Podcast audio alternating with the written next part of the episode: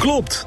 Vijfhart IT-opleidingen helpt je met ChatGPT, Microsoft Copilot, Generative AI. Azure AI Services. meer weten? Ga naar vijfhart.nl.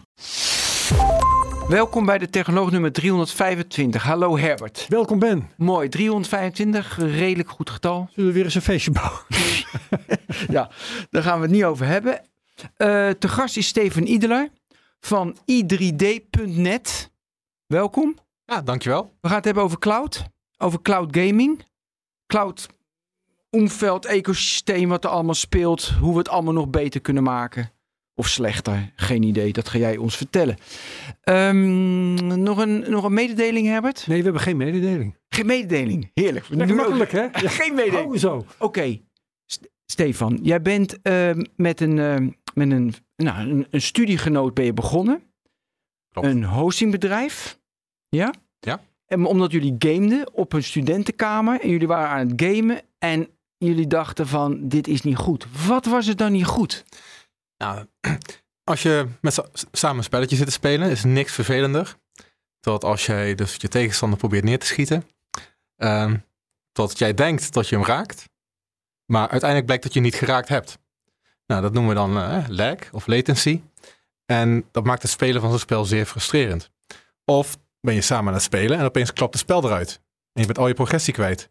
Oeh. Ah, nou, dat gebeurde toen vroeger aan de lopende band. Want ja, wat was game hosting vroeger?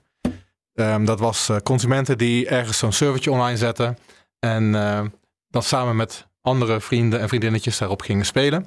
Want vanuit de bedrijven zelf was er gewoon niks geregeld. Nee, maar toen ging. Maar kan je dat even dat. eh, want nu ga je ervan uit, het lag aan dat servertje. Ja. Maar dat kan natuurlijk als ik jou, op jou schiet en ik raak jou niet terwijl ik het wel dacht, dan hoeft het niet alleen maar aan het servertje te liggen. Hè? Klopt, klopt. De latency van je, van je scherm, nou, noem allemaal maar op. En je controller. En En alles ertussenin. Nee, dat klopt. Het, het, je hebt twee grote componenten. Aan de ene kant is dat servertje. Daar kan van alles mis zijn. En de tweede kant is natuurlijk het internet. Want dat gaat van het De servertje provider, je eigen wifi, Daarom. voor. naar je computer thuis toe. Dat gaat, Ja. eh, hoe zit die server in het datacenter geconnecteerd? Hoe ver weg is die? Ehm, heeft dat datacenter, die provider wel een goede relatie met jouw internetprovider? Eh, gaat het misschien eh, van bijvoorbeeld Rotterdam eerst naar Duitsland en dan weer terug naar Rotterdam, waar je zelf woont? Het internetverkeer, of eh, nog erger. Dus dat heeft ook allemaal mee, mee te maken.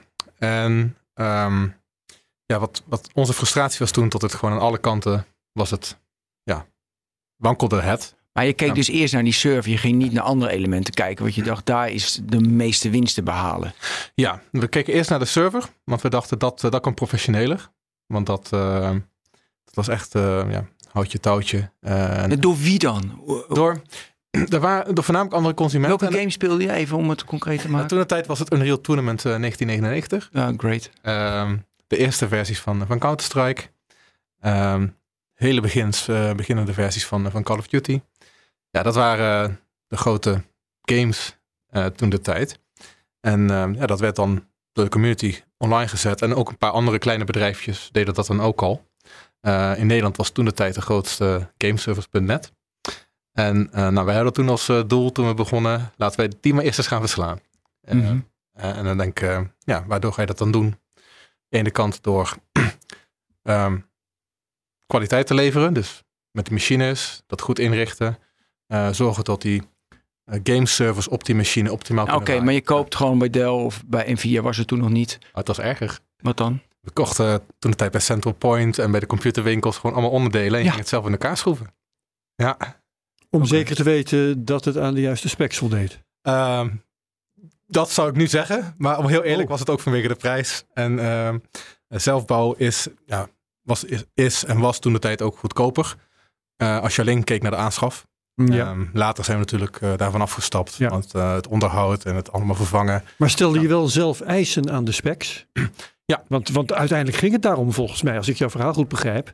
Dan wisten jullie wel ongeveer wat er schortte aan eh, wat jullie aangeboden kregen op de markt. Ja. En dachten jullie dat beter te kunnen? Zeker, zeker. Ehm, want als je dan zo'n gameserver proces ging observeren als dat draaide terwijl die vol zat met spelers, dan zag je gewoon wat de bottlenecks zijn. Ja. En vaak kwam het neer op niet genoeg gigahertz per, eh, per CPU core. En vaak als je geluk had toen de tijd wel, had je misschien twee cores. Ja. Eh, En als je dan eh, een machine in elkaar schroefde en die zette je ergens neer en je bood dat aan. En, eh, was het dan ook beter dan de markt? het was toen wel zeker beter dan de markt.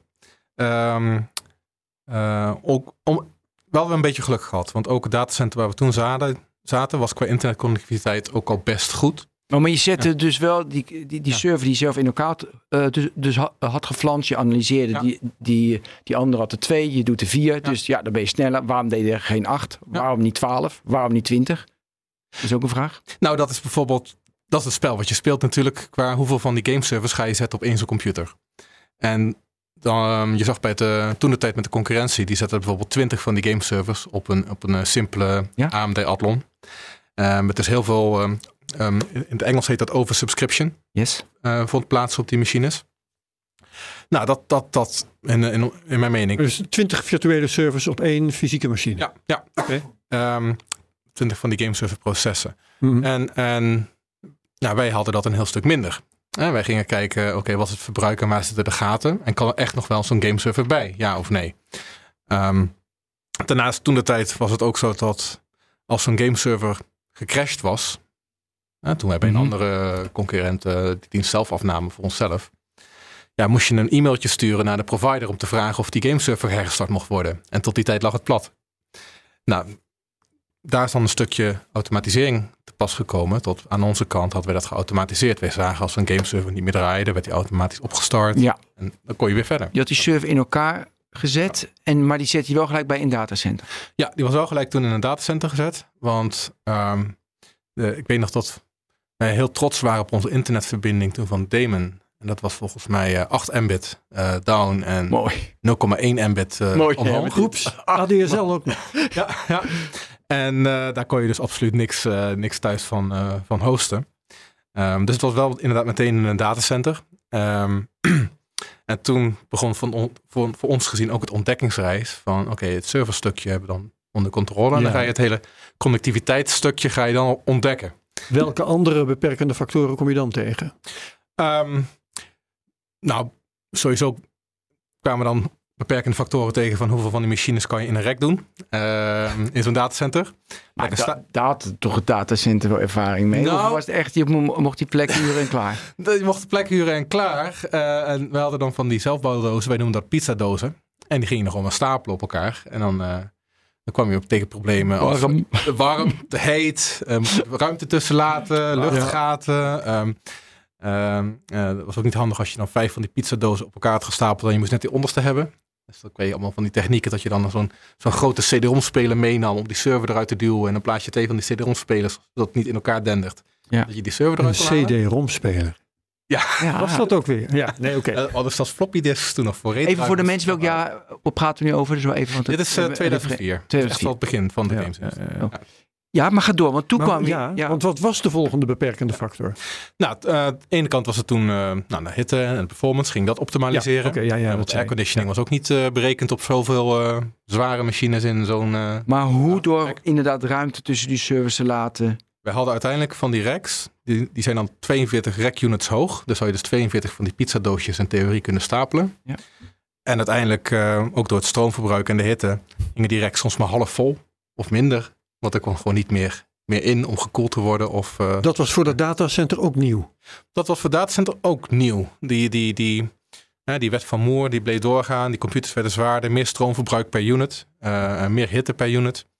Ehm, dat moest ook allemaal weer gekoeld worden. En de datacenters van die tijd, ehm, ja, dat, die hebben dus dan zo'n overhead, van zo'n PoE-waarde, van hoeveel extra stroom is er nodig om alles gekoeld te houden. Van, eh, ja, dat lag dan boven de twee. Dus voor elke één hoeveelheid stroom wat naar je server gaat, is diezelfde hoeveelheid stroom of meer nodig om te koelen. om Wauw. allemaal gekoeld te houden. En tegenwoordig eh, is dat eh, 1,1 of lager bij de, bij de echte. Oh, dat is omlaag gegaan. Ja, dus de, Waardoor is dat omlaag gegaan dan? de- allemaal van de eh, nieuwe koeltechnieken die zijn toegepast. Dus dat je in plaats van gesloten systemen met compressoren, dat men ook de buitenlucht eh, gebruikt om het eh, verder af te koelen. En niet, ze st- sturen niet die buitenlucht heel je servers in. Nee, dat is wel dan gescheiden systeem. Het wordt wel gebruikt om extra eh, eh, te koelen door die natuurkundige processen die dan samen die dan plaatsvinden. Ehm, de, de, de, de koelingsmethoden zelf zijn geoptimaliseerd. Vroeger was alles met, met een verhoogde vloer in zo'n datacenter. En alle koeling was eigenlijk van onderaf werd dat in zo'n kast geblazen. Dus bij ons was het probleem hoe hoger de servers zaten, hoe heter ze waren en hoe vaker ze uitvielen door hitte. En dan moest je weer met, met koolpasta aan de slag en, en, en dat, soort, dat soort onzin. Ehm, tegenwoordig zie je eigenlijk in elk datacenter dat ze met warme en koude corridoren werken. Nog even bij die datacenters. Hè? Hebben ze dan, weet je, ja, je kan ook zeggen, datacenter, zorg even dat het koel is. Of zeggen ze van, nee, het is jouw verantwoordelijkheid, dan moet je het maar niet zoveel op elkaar stapelen. Ja, ze maken het eigenlijk jouw eigen probleem. En zoals heel vaak in de, in de zakelijke wereld zeggen ze dan, ja, het is wel op, op te lossen, maar dan, uh, ja, dan kost het x, of is er zoveel Ja, geld, ja, of moet je oké. misschien upgraden naar deze mooie suite, waar het wel allemaal goed geregeld is.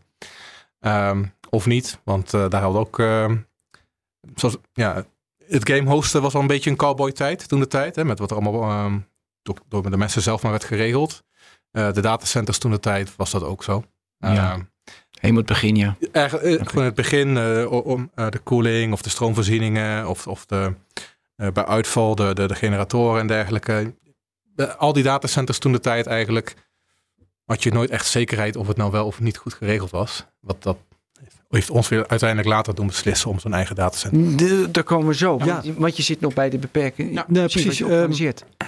Hadden alleen jullie eh, dit soort problemen bij dat datacenter? Of hadden eigenlijk alle, hè, een, een ander eh, had daar misschien een server voor, eh, weet ik wat, voor kantoortoepassingen of iets dergelijks. Hadden jullie dit alleen of had iedereen dat eigenlijk? Eigenlijk speelde dit bij iedereen ehm, waarbij diezelfde vraag voor meer rekenkracht en processorkracht eh, toenam in die tijd. Het was niet alleen bij game, maar je zag ook bij de kantoorapplicaties dat dat, dat gewoon krachtiger werd. En heel veel bedrijven die dus ook die zwaardere machines in wouden Ja. zetten. Kwamen dus ook tegen limitaties aan van of het gewicht van de vloer kan het niet meer aan. Of het kan niet meer eh, gekoeld worden. Of er is gewoon niet voldoende stroom. En dat was eh, niet in Rot alleen in Rotterdam bij ons een, een probleem. Maar ook in Amsterdam en de rest Ja, van Nederland. Toch wel raar, want dan schiet dat datacenter dus tekort tegenover al zijn klanten. Ja. In elk geval een groot aantal. En wat je toen zag is eigenlijk in die periode 2005, 2015 tot er heel veel nieuwe datacenters uit de grond zijn gestompt, gestampt.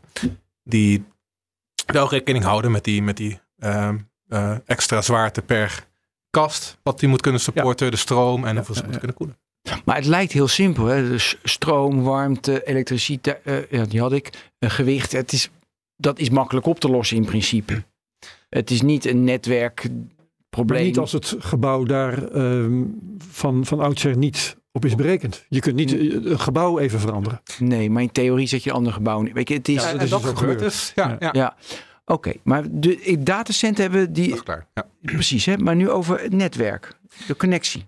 Nou, dat, ehm, We gaan weer terug naar 2004. Hè? Je had, dat, je had je, die server gemaakt, had je een datacenter gezet... en toen kom je met die connectie in aanraking. Nou, toen begon voor ons ook de ontdekkingsreis. Eh, ons verkeer ging omhoog. We hadden steeds meer van die spelletjes wat wij aan het verzorgen waren. En dan kom je dus ook in het magische land van de problemen die je daarmee tegen gaat komen. En dat betekent dus dat eh, we merkten dat ons internetverkeer naar bepaalde internetbedrijven in de avonden niet meer goed verliep.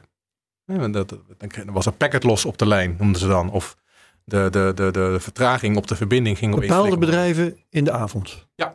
Dan ga je uitleggen waar dat in zat. Nou, dat bleek dus dat ehm, eh, toen de tijd het, het, het, het netwerk wat wij afnamen, ehm, ehm, ja, dat had dan verbindingen naar eh, die internetbedrijven toe. Of via derde partijen, via transitnetwerken, maar het een beetje gecompliceerd. Ehm, die dan eh, ja, eh, werden afgeknepen of vol waren in de avonduren. En dat moest dan ja, een keer worden geüpgrade. Maar ja, tot die tijd hadden wij en onze klanten gewoon last. Ehm, en dat heeft toen ons aangezet om daarin te duiken en dat zelf op te gaan bouwen. Ja. Maar leg nou eens uit ehm, wat daar dan de oorzaak van was. Bepaalde bedrijven, welke bedrijven vraag ik me dan af. En in de avond, waarom in de avond vraag ik me dan af? Ehm, in de avonden, omdat dan eigenlijk, wanneer gaan mensen spelletjes spelen? Wanneer ze klaar zijn met werk. Oké, dat begrijp ik. Ja. En in de avonden gaan ze ook andere media consumeren. eh, videootjes kijken, eh, andere content. Ah, Waardoor het totale verkeer in zo'n avond toeneemt. dus die bepaalde bedrijven, dat waren de Netflixen en zo van eh, deze YouTube, weet ik Ja, dat bestond toen nog niet in oh nee, 2004. dat is waar. Maar de internetbedrijven van, YouTube die, ook van die tijd, eh, alles wat in Nederland actief was, van de UPC, Google was er al. En dat soort zaken, die, ehm, Ja. eh, dat was altijd een uitdaging om jouw content in de avonden naar zo'n eindgebruiker te krijgen. Eh, zeker als je niet de heel die, die, die chain van partijen die ertussen zitten, van mijn server naar de eindgebruiker. Daar wil ik naartoe, ja. Ja, daar konden wel tien verschillende partijen tussen zitten. Wie allemaal, hoe allemaal. Ja, eh, het kon namelijk eh, eerst je datacenter zijn en die kochten we in van een, een, een reseller. Eh, en die kochten we in van een transitpartij. En vanuit die transitpartij ging het dan in door naar dat internetbedrijf. Ja, en voordat wij er dan achter waren wat er mis was, moesten we eerst door zeven bedrijven heen, bij wijze van spreken, om uit te vinden, ja, waar zit het probleem? Zo.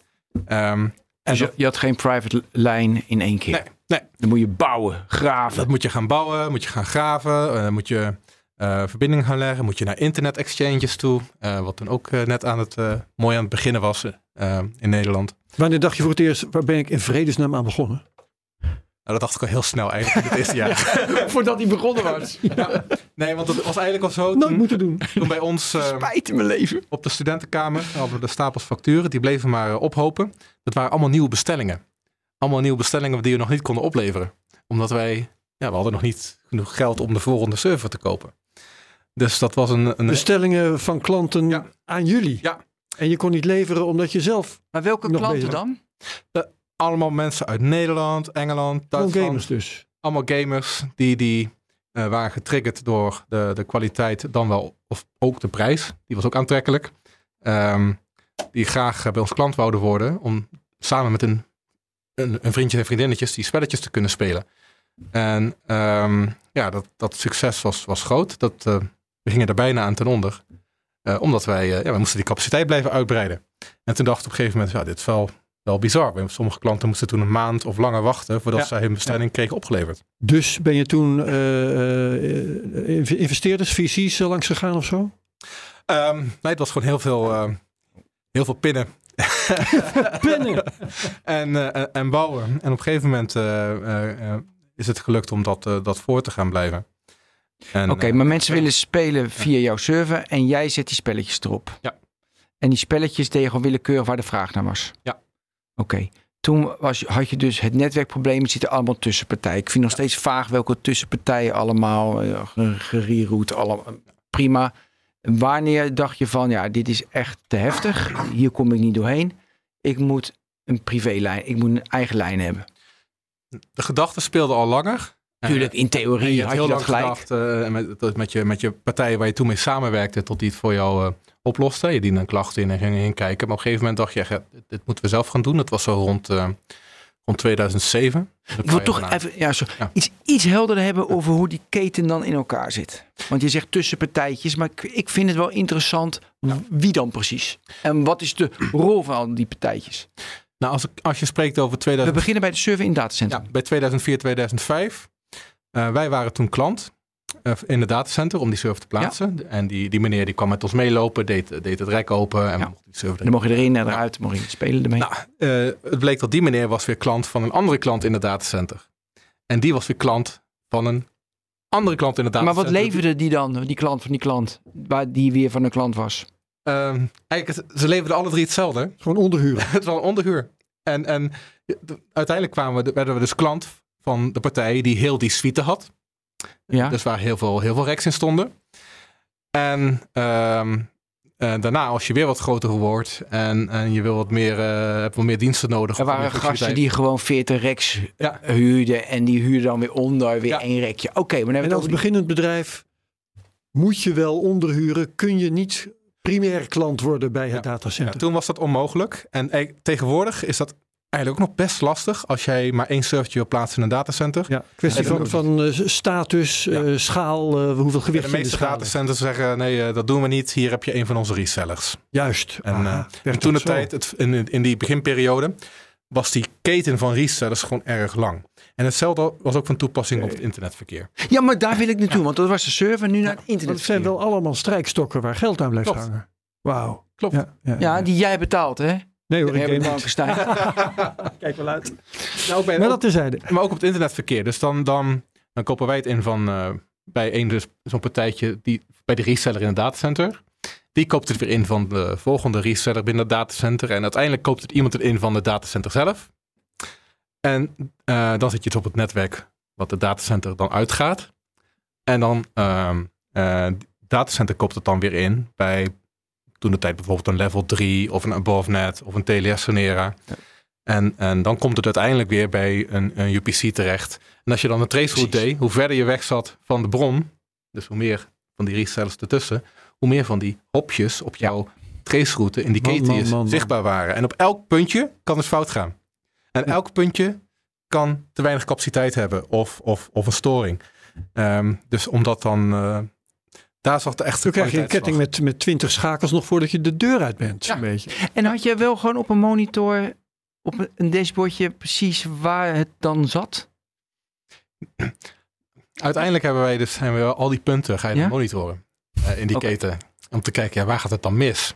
Ja, dan ga je ook dingen leren dat als een, iets eh, geen ping teruggeeft, dus geen, eh, geen reply terug, dan hoeft het nog niet plat te zijn. Het kan ook gewoon even druk bezig zijn. Dus dan moest je andere methodes gaan verzinnen om dan te kijken of het nog echt werkte of niet. Dus dat, dat werd best wel, best wel complex. En het, het grootste probleem was als, als het dus niet in de eerste twee ketens was en ook niet bij de laatste keten, dus bij de eindgebruiker, dan is het als, als, als ons als bedrijfje was het heel lastig om een van die ketens ertussen te benaderen. Want dan heb je geen klantrelatie mee. Mijn vraag is wel, maakt dat dan uit? Want hè, je, je krijgt een, geen ping terug. Ja. Dan weet je dus niet of het niet werkt of dat slecht werkt. Of het druk Mhm. heeft. Maar dan is het toch eigenlijk al te slecht voor gamen. Dan moet je toch eigenlijk al ingrijpen. Ja, dat, dat in die, vroeger dacht ik dat ook.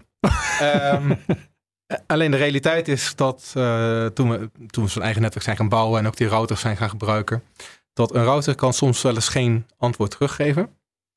Eh, eh, maar dan gaat het gamepakketje nog steeds optimaal doorgestuurd, worden naar de Oh. volgende, volgende destination.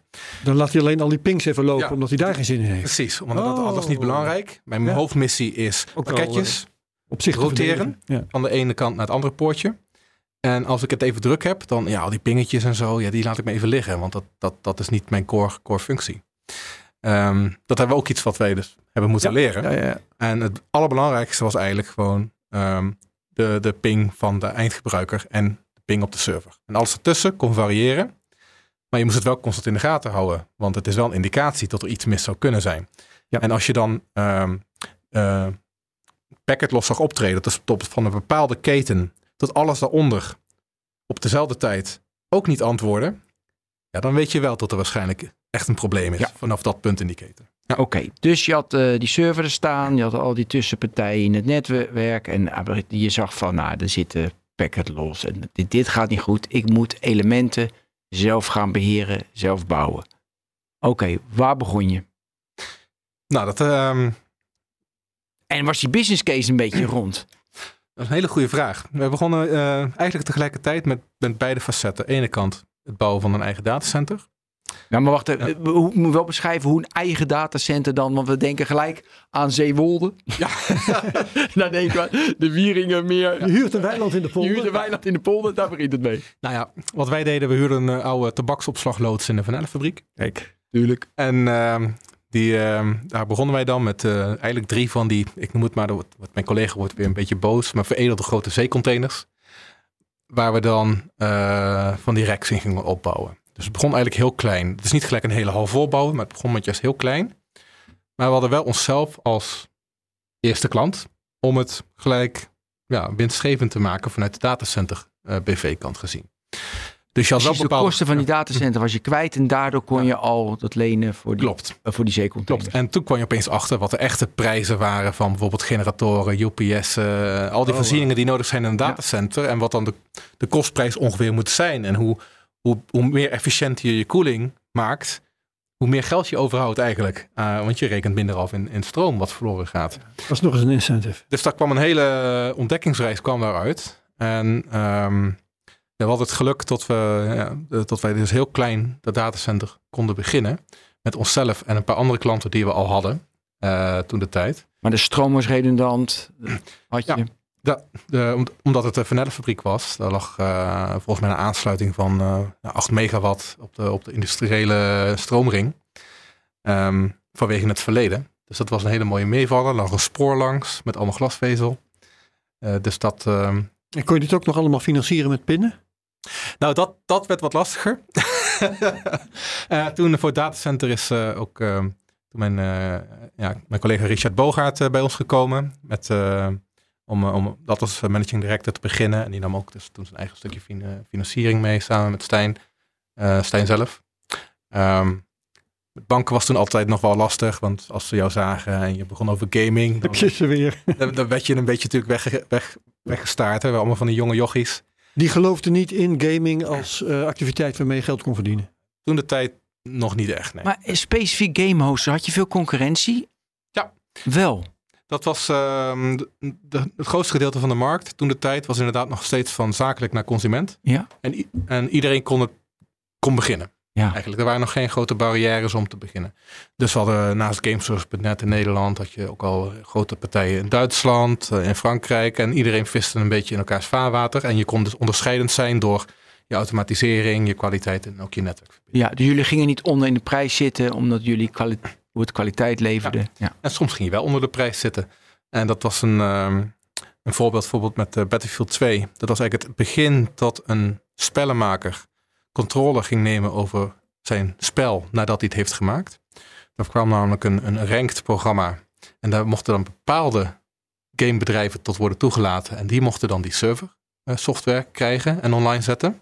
Dus de macht zat bij die spellenmaker Ja, toen. toen is het opeens verschoven. Oh, want ze wilden niet dat het met een slechte, eh, zeg maar, een Ja. slechte ervaring. Daardoor hadden ze een selectief aantal. En toen hadden we in plaats van eh, 100 plus concurrenten in Europa, hadden we maar eh, in, in Nederland hadden we maar enkele die dat mochten. En als je Nederland, Engeland, Duitsland en Frankrijk samenvoegt, hadden we er misschien eh 10 of 15 zo'n licentie. En toen kon je dus slim gaan spelen van oké, dan gaan we even een paar euro's onder Duitsland zitten. En kijken of er genoeg Duitsers eh, bereid zijn om eh, die paar milliseconden extra dan eh, bij ons te komen. Is dat gebruikelijk dat een gamepartij dat eist? Toen was het zeer ongebruikelijk. Nu is het. Nu is het de norm. Nu is het, nu is het elke, elke gamebedrijf neemt controle over zijn spel. Want elk gamebedrijf wil het graag een games as a service of een live games maken, zodat ze nog heel veel geld kunnen verdienen nadat ze het spel hebben uitgebracht aan, aan nieuwe skins, eh, poppetjes, eh, kleurtjes, dingetjes. Ja. Ehm, maar vroeger was dat. eh, ja, Maar hoe bereikte je dan, je- ging iets onder de Duitse tarieven zitten. Hoe bereikte je dan de klanten, de gamers, zodat ze wisten dat ze bij jou iets minder hoefden te betalen? Ehm, wat toen ook meespeelde, omdat het nog ook echt met consumenten werkte, dat we hadden ook een paar van die eh, hele populaire servers in Battlefield 2 toen de tijd, die eigenlijk 24-7 altijd vol zaten. Waaronder de, de nummer 1 meest populaire server van de wereld. En er stond altijd mooi idrid.net, streepje, en dan de spelers, de clannaam in. Dus eigenlijk verkocht het zichzelf. Mensen speelden erop, merkten dat de kwaliteit goed was, merkten dat het netwerk goed was. En de prijs was interessant. Eh, want de Duitse partijen waren toen de tijd fors hoger. Eh, terwijl de Engelse en Franse partijen en wij wat meer eh, met elkaar eh, in de buurt zaten. En waarom waren die hoger? Was dat eh, door ko- hogere kosten of was het door hogere marge? Hogere marges. Aha. Zeker hogere marges. Ik wil even op die kwaliteit in. Want ja, de- het is cool, eh, weet je, dat het niet uitvalt. En dat de latency laag is. Maar wat doe je dan? Weet je, dat, weet je dat je netwerk, dat je, een dat je een private line hebt. Is dat het of zijn er meer elementen? Er zijn zeker meer elementen. Het gaat ook om, om de support die je biedt aan je klanten. Ben je benaderbaar? Eh, denk je met ze mee als, je, als ze problemen hebben? Neem je de telefoon op als ze bellen? Ehm, het, ook het, dus ook het gevoel wat de klant met jou heeft en de binding die met je heeft. Eh, toen de tijd, omdat het nog de consumentenbusiness was, we hadden ook een jaarlijks paintball evenement hier in Rotterdam bij eh, zo'n oude manege. En daar kwamen inderdaad bussen vol met Duitsers om, naar ons toe, om, die ook klant waren bij ons, om, Ja. om mee te doen. Nou, was hartstikke gaaf natuurlijk. Ehm, en ehm, ja, soms mis ik dat wel een beetje. eh, want eh, in de jaren daarna, dus 2007, 8, 9, Is je leven nu saaier? in dat opzicht misschien wel. eh, maar we hebben ook heel veel andere uitdagingen. Maar waarom ben je daarmee gestopt?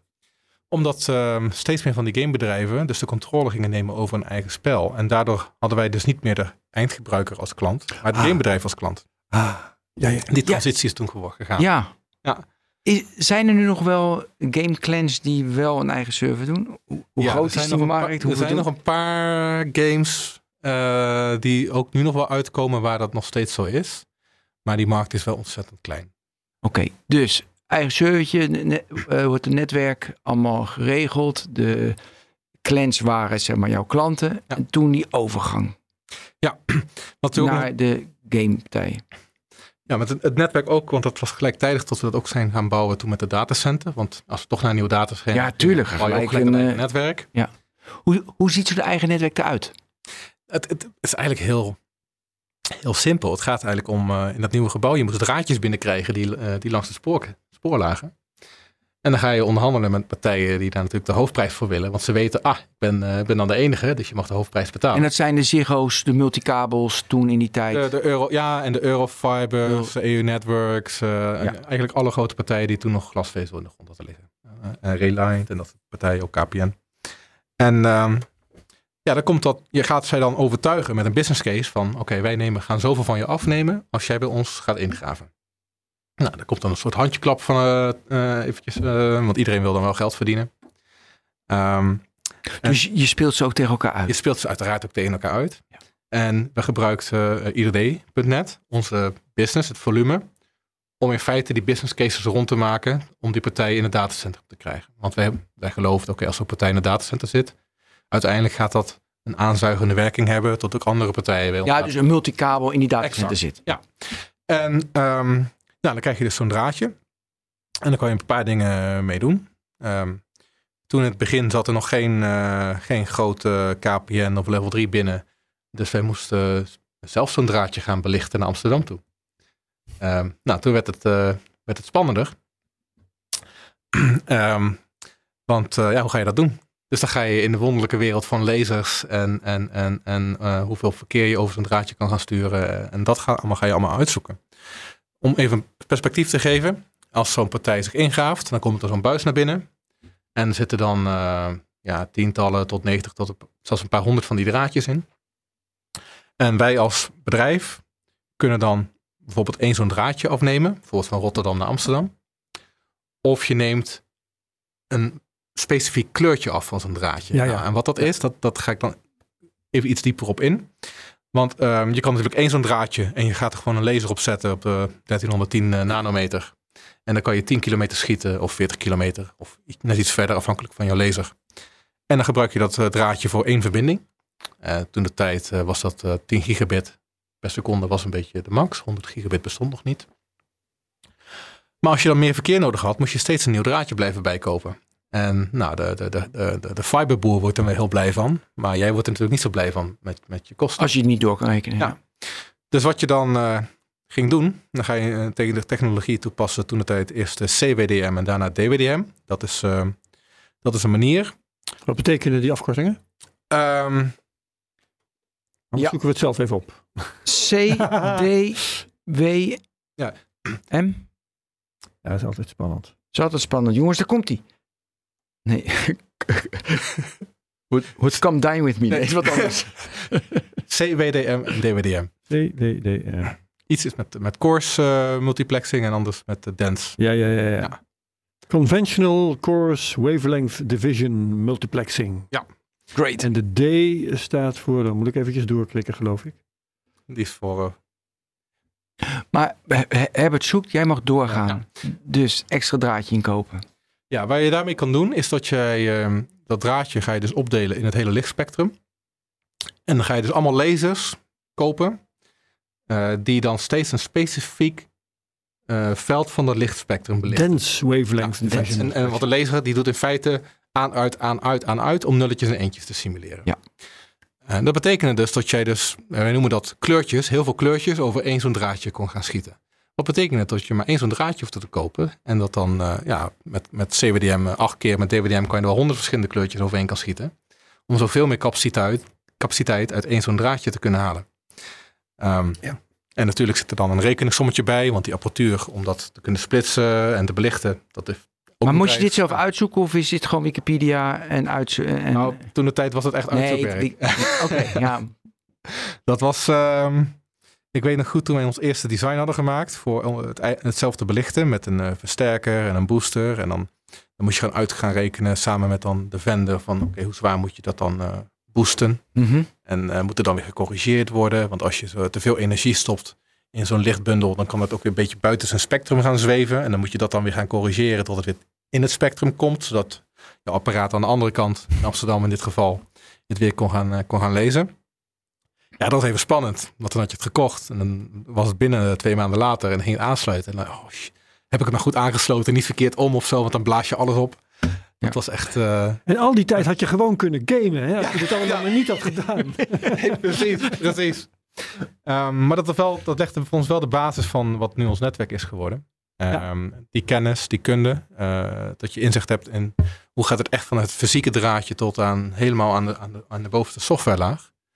Dat heeft ons zo ontzettend veel geholpen. Staat nog steeds je datacenter bij de Vanille fabriek? Ja.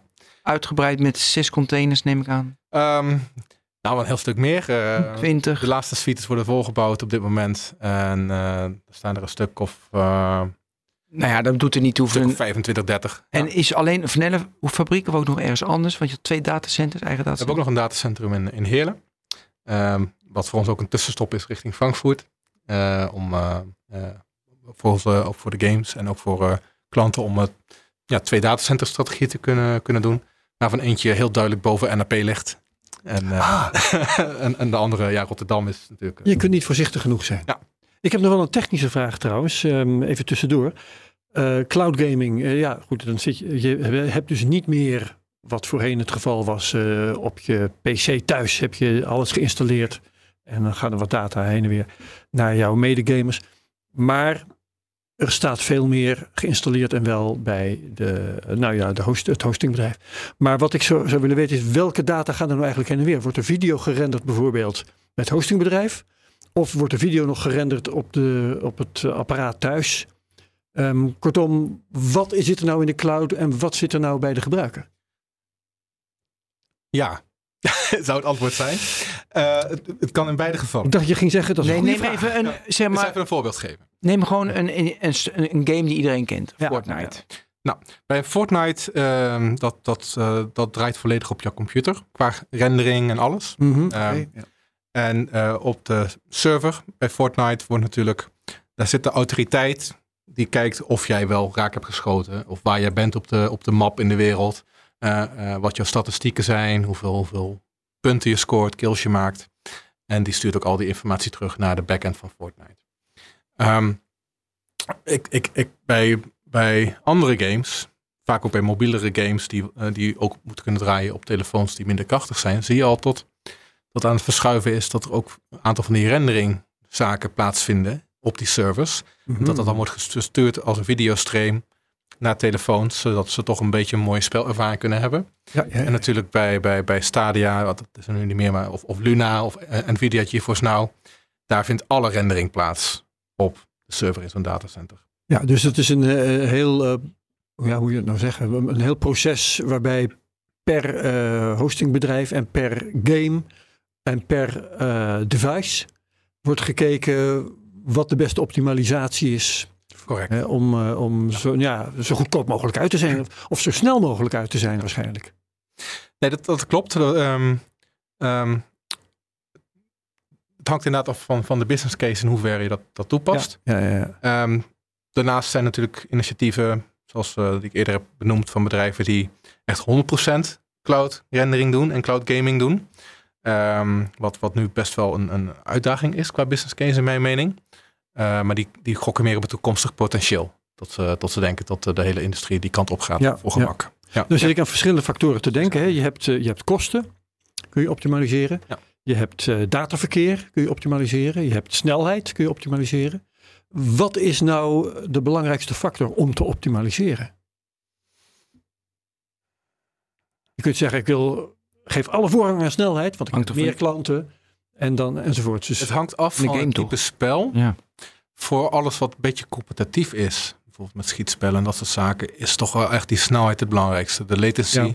eh, het, net, het netwerkcomponent. Als je dat helemaal goed optimaliseert, dan weet je dat de spelerservaring het Ja. beste gaat zijn. En een goede spelerservaring zorgt er weer voor dat die spelers het spel blijven spelen en die Ja, uitbreidingen anders heb komen. je sowieso geen business. Top, anders heb je sowieso geen business. ja.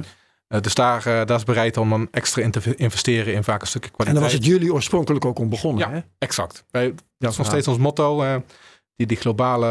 eh, officieel is het motto Connecting Global Audiences. Dus iedereen bij elkaar brengen en dan liefst zo dicht mogelijk. eh, eh, met, onze, met, onze, met onze machines. Ja, Ja. ik vind, ik, ik vind WordFeud altijd een mooi voorbeeld Ja. op de mobiel. Omdat je dan heel lang kan wachten. Dan heb je geen last van. latency maakt absoluut Nee, niet nee, uit. Ja, niks Nee. uit. En daarom Ja. zit. Ja, ja, ja. Eh, je staat ook bij Equinix, hè? Ja. Is dat ook? Oké. Nee, nee, dat klopt. Ja, we staan op heel veel plekken bij Equinix, maar ook bij een paar andere partijen in de wereld. Waar ehm, ja, soms krijg ik wel de vraag. eh, Dus het is niet overal nodig om je eigen datacenter neer te Nee, zetten. zeker niet. Want ik krijg wel eens die vraag. En wat, wat maakt nou een goed datacenter? Eén, je hebt natuurlijk eh, genoeg business nodig. Die je zelf brengt of, eh, om te kunnen beginnen. Ja. Dus je hebt een bepaalde beginwaarde nodig. Om, dat, eh, om je hal dat stukje kunnen uit te bouwen. Of je moet hele diepe zakken hebben. Dat je het voor de lange termijn kan, eh, kan financieren. Eh, het tweede puntje is. ehm, ehm, hoeveel van die connectiviteitsproviders. Van die glasvezelboeren en internetproviders heb je eigenlijk binnen. Of kan je binnen krijgen. Ehm, nou, dat is best lastig. In Nederland heeft dat in, eh, de Vanellenfabriek heeft dat ons enorm veel tijd gekost. In het buitenland hebben we ook wel een paar locaties die echt wel ontzettend groot zijn. Dan denk ik bijvoorbeeld aan, aan, aan het Tokio en ook een paar locaties in, in Amerika. Maar daar, daar, daar wegen de kosten nog niet op om zo'n datacenter te beginnen. Versus de, de, de, de hoeveel eh, Nee, energie die je er moet, in moet steken. Je kan wel eventueel iets beginnen en dan, dan je service neerzetten. Maar dan ga je toch nog steeds alles terughalen van een Equinix vanwege de connectiviteit. En dan denk je, ja, dat, eh, dan moet de schaal echt nog wel een heel stuk groter zijn. Dan ga je het niet redden met 20 rekjes. eh, of, of 100 rekjes. Nou, als je een paar honderd reks hebt, dan moet je misschien aan jezelf gaan vragen. Nou, is het misschien niet interessant dat wij dit in eigen beheer nemen en dan alleen nog connectiviteit ergens ophalen? Ehm, dus het hangt er echt heel af van, van de schaal en ook de locatie. Want eh, Ja. Amsterdam is relatief vol, zoals we ook weten tegenwoordig. Ehm het is alweer lastig met stroomverbruik. Ehm, zo zijn er ook al die andere steden in de wereld met hetzelfde probleem. Je noemde net in de tussenzin cloud gaming. Dat zie je niet zitten. Dat die business case moeilijk is. En mensen sorteren voor op de toekomst. Kun je dat uitleggen? Nou, als ik, als ik cloud gaming puur objectief technisch bekijk. Het is een... eh, Daarvoor zit je hier. hè? Ja, daar zit ik hier. Het verbruikt een, heel, een hele hoop data. Zeker als jij eh, in eh, 4K wil cloud gamen. Dat is gewoon een, een 4K stream. Dat is, gewoon, dat is gewoon een hoop data. Dat zijn kosten. Dat is één. Het twee, je hebt eh, veruit de allerduurste machines nodig in een datacenter die, je- die je kan kopen.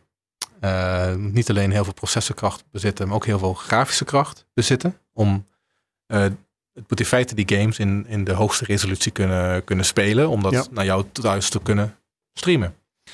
Ehm, dus eh, in jouw datacenter, stel je hebt een suite van 48 racks helemaal volgestopt met die machines, wat dan ook heel veel koelcapaciteit en, en, en stroomcapaciteit vergt. Ja, dan kunnen er misschien maar een paar duizend mensen tegelijkertijd op spelen. Dus ook qua datacenter footprint heb je enorm veel nodig om, om dit op schaal te kunnen aanbieden. En als ik dan kijk dat, dat dat gratis wordt aangeboden of voor een tientje per maand, Ja. dan ga ik rekenen en denk ik, ja, dat is, dat is absoluut ver boven, boven de kostprijs. Eh, en de enige eh, wat hier gebeurt is dat, ehm, dat men hoopt dat dit gemak, want het biedt een bepaalde gemak, dat cloud gamen, dat dat de toekomst wordt en dat de kosten Naar beneden gaan. naar beneden gaan. Ja. Ja. Maar je zei boven de kostprijs, dan bedoel je toch onder de kostprijs? Eh inderdaad, on, het, wordt, eh, de, de, die, 10, eh, die 10 dollar per maand, dat is eh, onder de kostprijs. Ja, precies. Ja, ja, Ja, ja. ja. Ja, maar jij dus die ehm, eh, Microsoft gokte dan op. De kosten gaan naar beneden. En uiteindelijk zit iedereen eh, te cloud gamen. En Ja. dan is het prima. Toch? Ja, dan, en, dan- en dan een voornaamste driver van, van die grote partijen is om, om dan mensen vast te zetten in een eigen ecosysteem. Dus als je het bij Microsoft doet, Ja. ben je bij Microsoft eh, getrouwd, bij wijze van spreken, met al je spullen.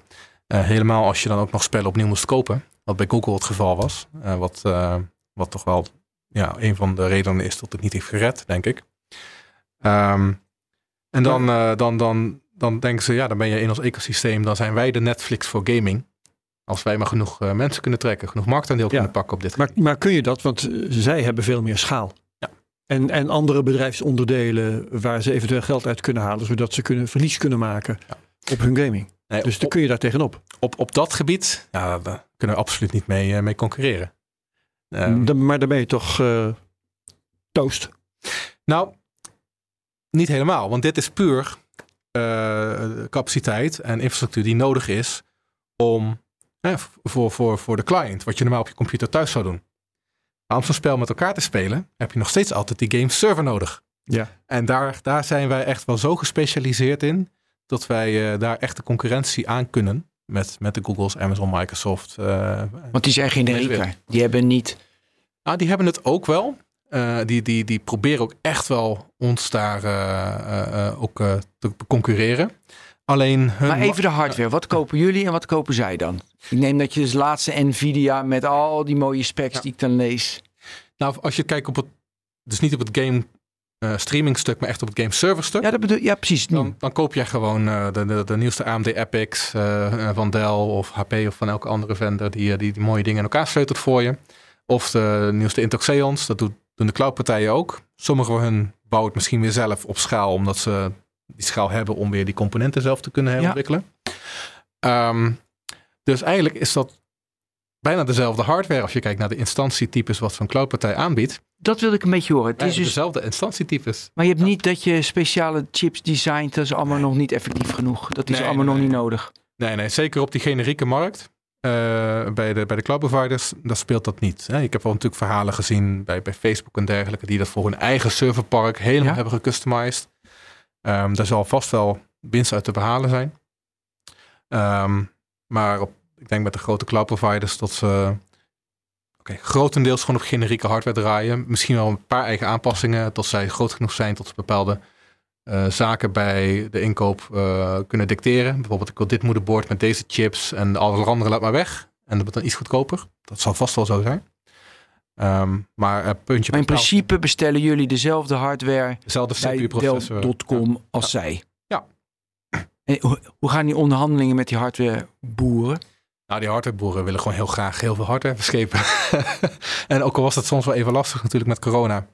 Ehm, ik kan wel zeggen dat die markt qua, qua levering en voorraden best wel weer eh, hersteld is. Ja, en daar is het gewoon een spelletje van... eh, je speelt het tegen elkaar uit en zeg je tegen Dell... nou, volgende keer ga ik naar HP als je dit niet kan. En eh, dan ga je naar HP... eh, ja, dit was toch niet zo goed. Dit is toch niet, de prijs niet zo fijn. Hè? Misschien kan Dell of Lenovo of, of Inspur misschien wel iets beter doen. Dus dat is gewoon een spelletje wat elk groot bedrijf die nog met eigen infrastructuur bezig is, die speelt dat gewoon. En ehm, voor ons is toch wel gebleken van, ja, we willen het niet meer zelf in elkaar schroeven. Nee, dat snap ik. Want het is toch wel, het is toch wel fijn bij, bij zo'n Dell of bij een HP dat, dat, dat je daar toch wel iemand, eh, een engineer kan bellen die dan dan en dan die, die parts opstuurt en het allemaal regelt. Eh, want eh, ja, we zitten in eh, bijna 40 plekken over de wereld. Dat is een klein beetje gemak wat je dan, eh, ja, dan ook voor betaalt.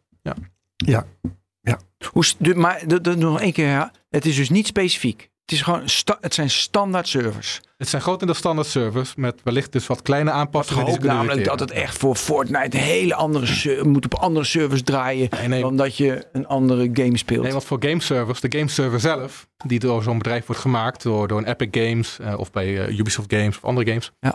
die wordt natuurlijk gemaakt om gewoon op alle generieke clouds te kunnen draaien. En ook op, ook op onze hardware. Ehm, dus, dat, Oké. dus dat gaat gewoon op de generieke processoren.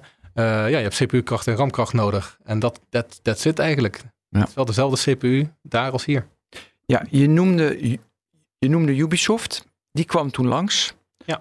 Kun je dat ecosysteem vertellen waarom Ubisoft een game maken dan zegt van nou, ik wil ook gewoon de hoster hebben. Of Ehm, een steek daarin. Of daar invloed op, Ja. eh, op hebben. nou, er waren eigenlijk twee grote redenen waarom eh, Ubisoft ons toen heeft gekocht in, in 2018. Hoe volledig? Ja, volledig. Ja. Volledig, Ehm, eerste was ehm, tot zij in die laatste twee jaar daarvoor, of eigenlijk drie jaar, ook bezig waren zo'n eigen netwerk te bouwen. Want eh, toen de tijd waren er ook eigenlijk van die gifjes op internet waar dan eh, een, een grote aardappel met wat van die pinnen in stond en zegt dit is de Ubisoft server. Terwijl eh, de kwaliteit Ja. was door de community gezien als redelijk bedroevend. Dus Ubisoft was hard aan de weg aan het timmeren om een eigen netwerk te gaan bouwen. Om die tussenpartijen ertussenuit te gaan sluiten. Die eigen verbindingen te gaan leggen. Wat jullie al gedaan hadden. En wij hadden dat al gedaan. Dus in feite kochten ze daarmee gewoon minimaal vijf jaar tijdswinst. Zo. Door Ja. ons. Het is opvallend dat ze dus in de keten op wilden schuiven. Ze hadden ook als die partij, die GamePT, die zei veel, tien, tien jaar eerder. ehm, per default moet je bij die hoster Ja. staan en die hoster. Ja. Dus wat was, hey, we gaan opschuiven. We gaan dat zelf doen en laten kopen. Klopt. Ze wouden het inderdaad dus zelf gaan doen om dus die controle van kwaliteit eh, in, eh, weer in, handen te krijgen. Ze hadden natuurlijk al de controle over het spel zelf. Hè, omdat ze dat, net zoals bij die andere, bij EA en al die andere partijen, in eigen hand hadden genomen en zeggen, ehm, eh, wij, beslissen zelf waar we neerzetten. Maar ehm, ja, ze hadden dus ook eh, en hebben, net zoals ook die andere grote gamebedrijven, ook eigen datacenters. Ze hebben eigenlijk dus ook al heel veel hosting. Ja, en wat, wat, wat miste daarin was een partij die dat echt als core business had. Die weet hoe je daar geld mee kan verdienen. Eh, en ook heel dat netwerk al had uitgebouwd. En dat eigenlijk dus was voor Ubisoft niet zo'n rare stap om ons toen eh, ja, in te lijven. En daarmee hebben wij uh, denk ik ook een hele mooie dienst bewezen. Maar hosten jullie dan nu alleen nog maar Ubisoft games of hoeft dat niet? Nou, ik zou zelfs zo zeggen, um, de meerderheid van wat wij hosten en het geld dat wij verdienen, is, zijn van de concurrenten van Ubisoft. Oh. Ja. Wonderlijk. Ja. Um, omdat wij um, binnen Ubisoft uh, zijn we echt op, op, afstand gehouden. Juist zodat wij alle concurrenten kunnen blijven bedienen. En Ja. ook heel veel van onze nieuwe business zijn gewoon nog steeds concurrenten van Ubisoft. Want ik zat, ik zat eh, en dat, dat, dat maakt de volgende vraag eigenlijk des te belangrijker. Ik zat te denken aan de positie die eh, Microsoft heeft op de desktop. Ja. En die Google heeft op, op de advertentiemarkt. Zo'n positie eh, hebben jullie nu dus ehm, in de gaming, cloud gaming markt. Ik zou het heel graag willen. Belangen, belangenverstrengeling, om het maar even dreigend te zeggen. Ja, ehm, Ga je, ga je Ubisoft bevoordelen boven de concurrenten? Ja, dat is een hele, Net iets betere, hè, iets lagere latency. dat is een hele goede, goede vraag. En eigenlijk het eerste wat we werden, eh, te horen kregen toen we werden overgenomen, zegt als zo'n situatie ooit zou spelen dat je moet kiezen tussen interne business en externe business, moet je externe business altijd voor laten gaan. En dat is ook wat Wie zei dat? eh, de hoogste baas binnen Ubisoft toen de tijd. Oké. En voor ons was dat een mandaat om dus op afstand te blijven van de rest van Ubisoft. En probeer ze natuurlijk zo goed mogelijk te ondersteunen met de business die, eh, die ze naar ons toe brengen. Eh, maar ook heel verhaal naar de klanten Waarom toe. was dat? Ik kan het wel, ik kan het wel verzinnen, maar ik, even, dus jouw mening. Nou, omdat dit, de vraag die u net stelde, U. Komt bij- Mooi, Je, Herbert. je. ja, die komt bij elk klantgesprek terug. De, Ja. eh, ben- die we met een externe klant hebben. Die vraagt, hoe zit het nou met de relatie van Ubi- met Ubisoft? Is onze data veilig? Eh, komt, gaat er dadelijk op een ja. gegeven moment Bedrijfsgeheimen. dat jullie een knopje, dashboard, precies je weet hoeveel mensen spelen, Ja. hoe vaak, hoeveel dat een data knopje er wordt omgezet en tot je dan onze service uitzet. Nou, wij kunnen hiermee eh, aantonen en laten zien, ook doordat al die andere concurrenten die we nog steeds bedienen, dat Ubisoft dat A niet mag, contractueel, en dus ook B niet kan. Ze hebben ook bijvoorbeeld geen toegang tot mijn systemen. Ze kunnen ons kantoorpand nog niet eens in. Ehm, of het datacenter ook niet. Ja, ze zien jullie ook niet als een cash cow, want zoveel levert dat toen niet op voor, denk ik, voor Ubisoft. Nou ja, ik zou wel durven te beweren. Dan dat allemaal wij- alle cijfers. Nou, nou, dat, dat kan natuurlijk niet.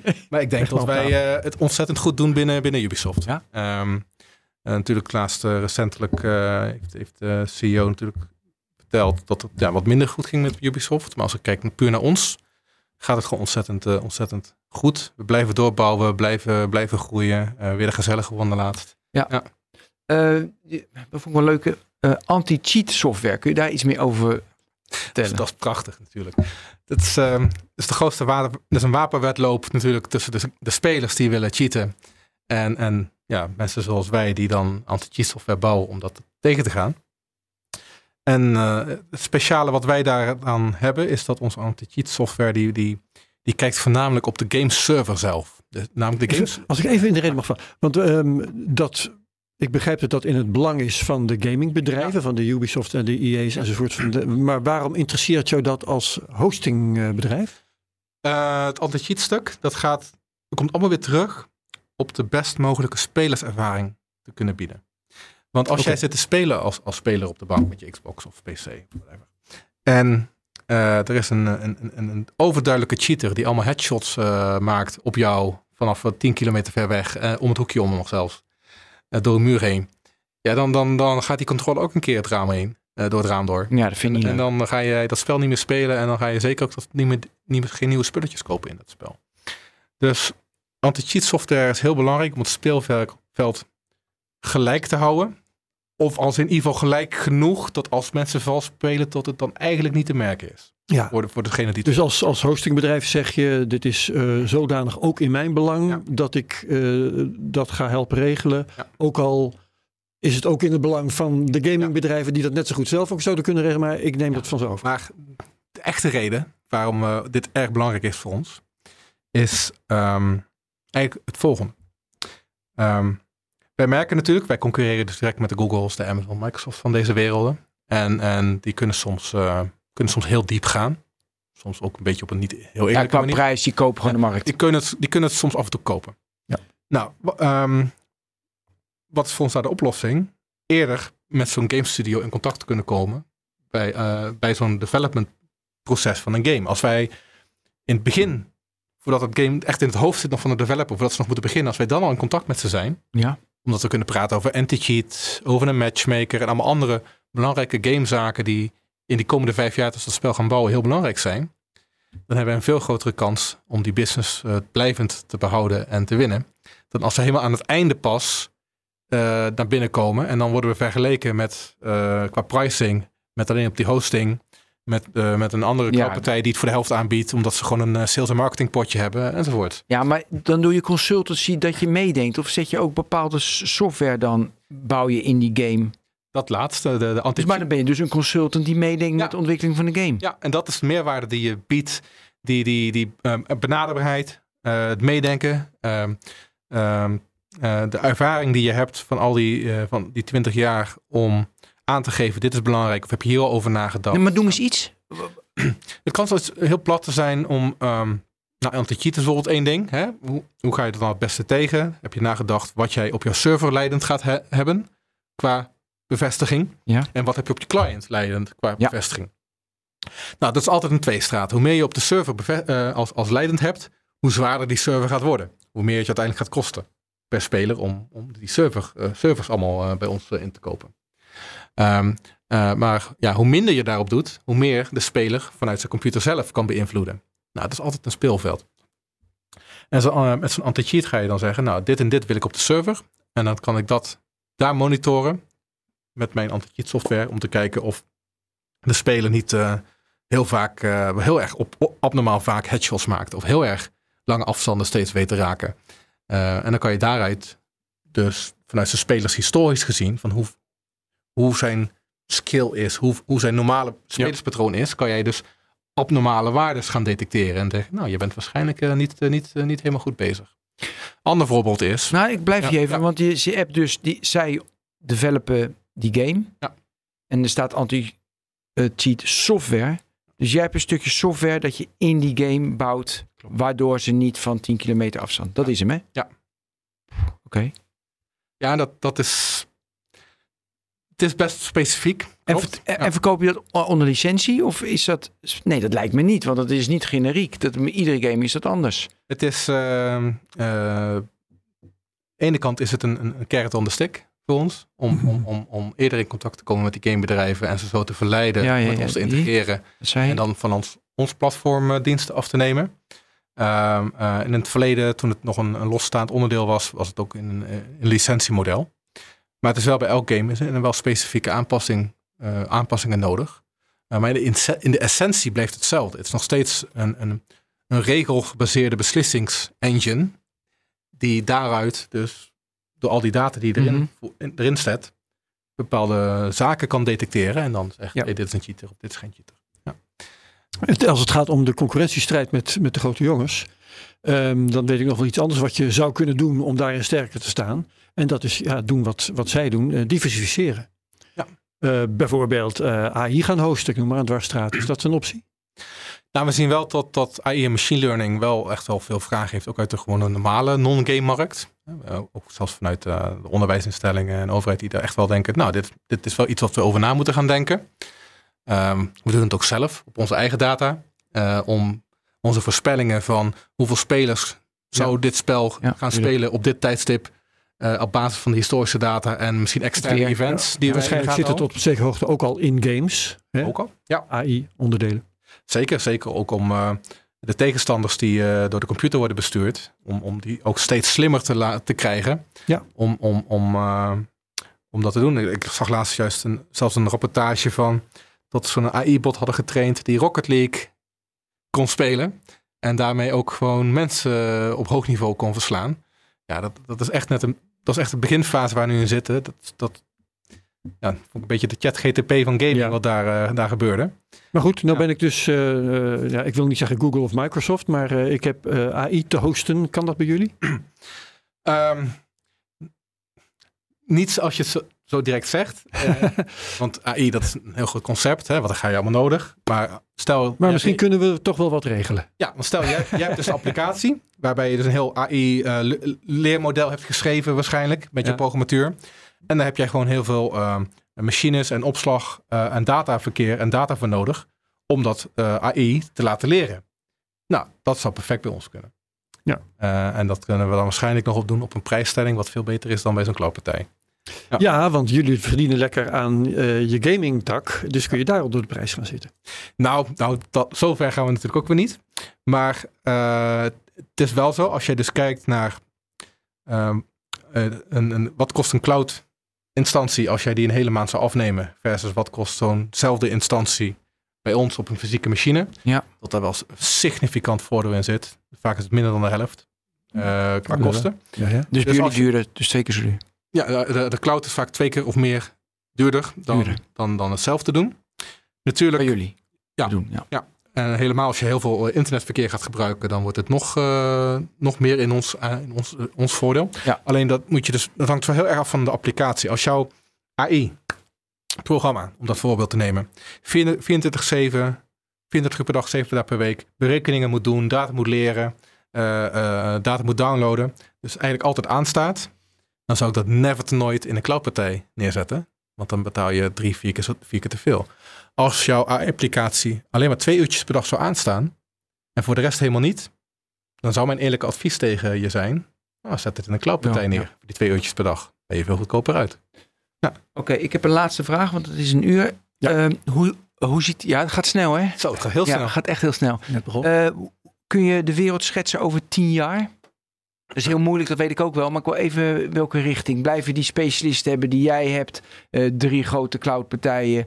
eh, meer specifieke partijen die eh, bijvoorbeeld video hosten of AI hosten. Weet je, dat je daar... Dus kun je dat schetsen? Als ik kijk naar onszelf, hoop dat wij over tien jaar ehm, echt bekend staan als nog steeds als de game specialist met een nog veel groter bereik. En dat wij toch hebben weten te blijven winnen van de grote drie eh eh, cloud providers. Ik denk nog steeds tot over tien jaar we nog steeds over die drie, misschien wel vier hele grote jongens hebben. Als we ook nog eh, China meenemen, Tencent en dergelijke. Ja.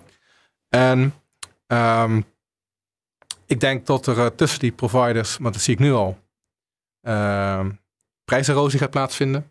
Want ze zitten elkaars marktendeel al te Pot te kopen vechten, ja. ja. en, en, en af te snoepen. Ja. En dat, dat vo- prijsvoordeel waar ik net over had, dat zie ik dus wel minder worden in de toekomst, over tien jaar. En wat blijft er nog over? Je andere onderscheidende kwaliteiten. Je, de extra software die je hebt, de specialismes die je hebt. En ik denk de enige partijen die, die zullen overleven zijn partijen zoals wij, die hebben gekozen om echt op een bepaald vlakje ja, die, te specialiseren en daarin heel erg goed worden. Eh, eh, want daar kan een generieke grote partij eh, gewoon niet tegenop. Maar dan ben je wel iets kwetsbaarder. Misschien wel veel kwetsbaarder. Voor rare dingen in de markt. Je hebt met corona dan misschien ge- geluk gehad. Want iedereen ging gamen. Maar als er iets omgekeerds gebeurt. Dan kan eh, nou even niks eh, voor de geest halen hoor. Maar dan kan het ook zijn dat je opeens eh, al je business naar beneden gaat. Nee, je bent, bent wel zeker kwetsbaar natuurlijk. Gaming is ook een cyclische markt. Een game is vaak, Ja. net als een bioscoopfilm, in het begin heel populair. En daarna vlakt het heel snel af. En je hebt alleen maar een paar van die games die heel lang door blijven gaan. Zoals een Titanic, waar mensen honderdduizend keer opnieuw hebben bekeken. Ehm, maar het, zola- op de vlakken waar je diversificeren, daar hebben we zeker ook wel aantrekkingskracht vanwege dat specialisme in gamen. Want dan denken eh, bedrijven die naar ons toe komen, denken, oh, als ze het gamen kunnen, dan kunnen ze onze Excel-sheets ook wel aan. En op al die locaties en de prijs en dergelijke. Maar face the facts, eh, bij normale, normale huistuin- en keuken hosting eh, is de concurrentie natuurlijk moordend van de cloudpartijen. Ja, Want dan zit je echt gewoon generiek tegen generiek te vergelijken. En dan zeggen we wel, ja, beter netwerk, minder kosten. Eh, maar dan moet je... uh, Een goede moet er bij de klant ook echt wel goede IT-kennis zelf zitten om te realiseren dat het echt wel voordelig is om het zelf te doen. Oké.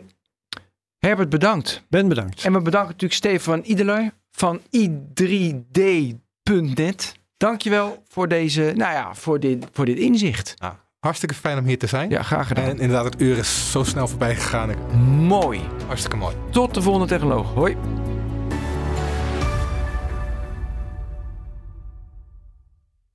Klopt!